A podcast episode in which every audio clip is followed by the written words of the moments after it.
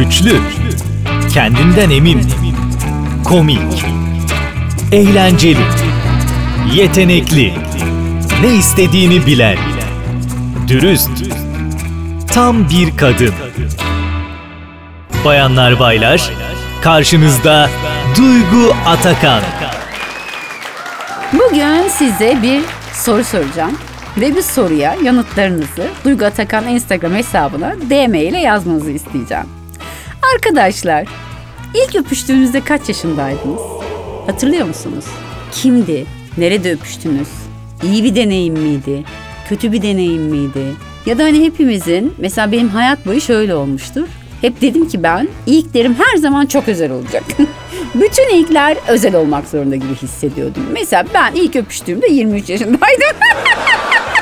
Çoğu arkadaşım bana geç kalmışsın. Yani benim için çok geç kalınmışlık bir şey değildi. Yani çok geç kalınmış değildi bence. Yani olması gereken zamandı herhalde.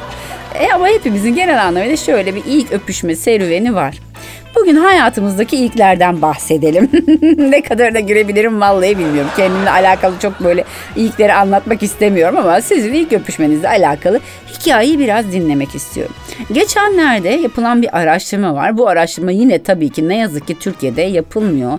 Sürekli bu araştırmalar yurt dışında yapılıyor. Son dönemlerde 2020'li yıllardan sonra öpüşme yaşının 10-11 yaşına kadar indiği söyleniyor. Yani beni ilgilendirmiyor. Herkes ne zaman isterse o zaman öpüşsün. Ama bu sizde de çok ne bileyim erken bir zaman değil mi? Yani her şeyin bu kadar erken olması bu dönemde ne kadar e, doğru bir şey. E, ben kendi çocuklarım da var benim. Birisi 17 yaşında, birisi 14 yaşında şu anda. İkisine de aynı şeyi söylüyorum. İkisi için de aynı şey geçerli. Yani ikisi için de çok erken gibi geliyor ama sonuçta onlara göre çok da erken değil. Hayat aslında değişirken bizim zamanımızda yaşanan şeylerin bu zamanda yaşandığını düşünsenize. Ya da işte bu zamanda yaşanan şeylerin bizim dönemimizde, bizim jenerasyonumuzda yaşandığını düşünün. Biz daha basma kalıp şeylerle büyüdük. Ailemiz bizi daha basma kalıp şeylerle büyüttü. Ya da biz aslında bu tarz şeylere çok fazla maruz kalmadık. Şu anda TikTok'uydu, Instagram'ıydı, e, Netflix'iydi. Yani bütün dijital platformlarda bu zaten normal bir süreç, normal bir e,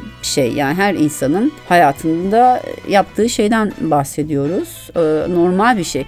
Ama bizim dönemimizde o kadar her şey sanki olmaması gerekiyor gibiydi ki. Yani sanki bu çok büyük bir ayıp ya da işte biz bunu yaparsak büyük bir günahkar olacağız. Günahlardan boyanmış olacağız falan kafası yaşıyorduk. Şimdilerde öyle değil. Yani bu dönemin de ben aslında bakarsanız çok doğru olduğunu düşünüyorum. Hani bu kadar küçük yaşlar 10-11 yaşları falan.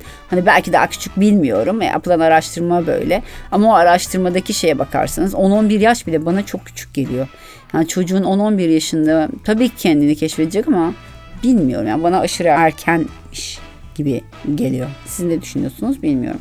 Genel olarak aslında ilk öpüşme kısmına baktığınız zaman çocukların hepsinde e, zaten bir merak uyanıyor. Neden? Dediğim gibi dizilerde, filmlerde bunlar çok artık çok ortada. Siz ne kadar yaş işte ne bileyim sınırı koysanız da işte 18 yaş altının izlemeyeceği şeyleri izletmeyeceğim çocuğuma deseniz de bunların hepsini zaten aşikar bir şekilde her yerde görüyorlar. Her şey çok ortada. Her şeyin bu kadar ortada olduğu bir dönemde çocuktan bir şey saklayabilmek diye bir şey yok. Eskiden bize mesela çocuğu anne ben nasıl doğdum leylekler getirdi.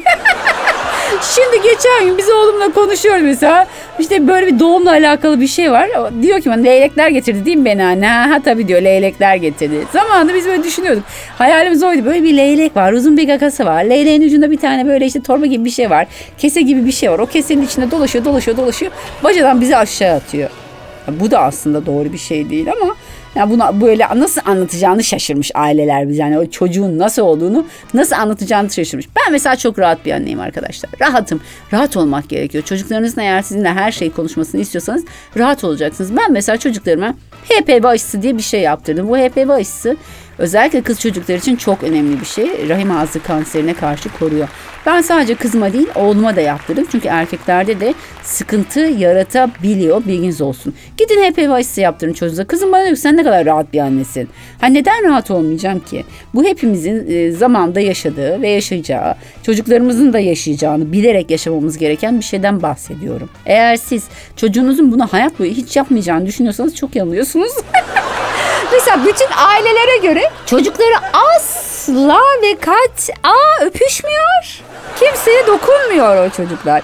Hepimiz böyle düşünüyoruz değil mi? Hepimiz sadece ve sadece biz yapıyoruz. Arkadaşlarımız yapıyor falan sanıyoruz. Bu öpüşme faslı. Ben ben buradan gireyim siz anlayın demek istediğim şeyi. Herkes bunu yapacak. Sizin çocuğunuz da yapacak. Çok üzgünüm bu bir gerçek. Yani bu sadece genel anlamıyla hep böyle erkeklere böyle erkek çocuğu için çok konuşuluyor. Kızınız da yapacak. Kızınızın da bunu yapacağını bilerek aslında bu hayata bakmanız lazım.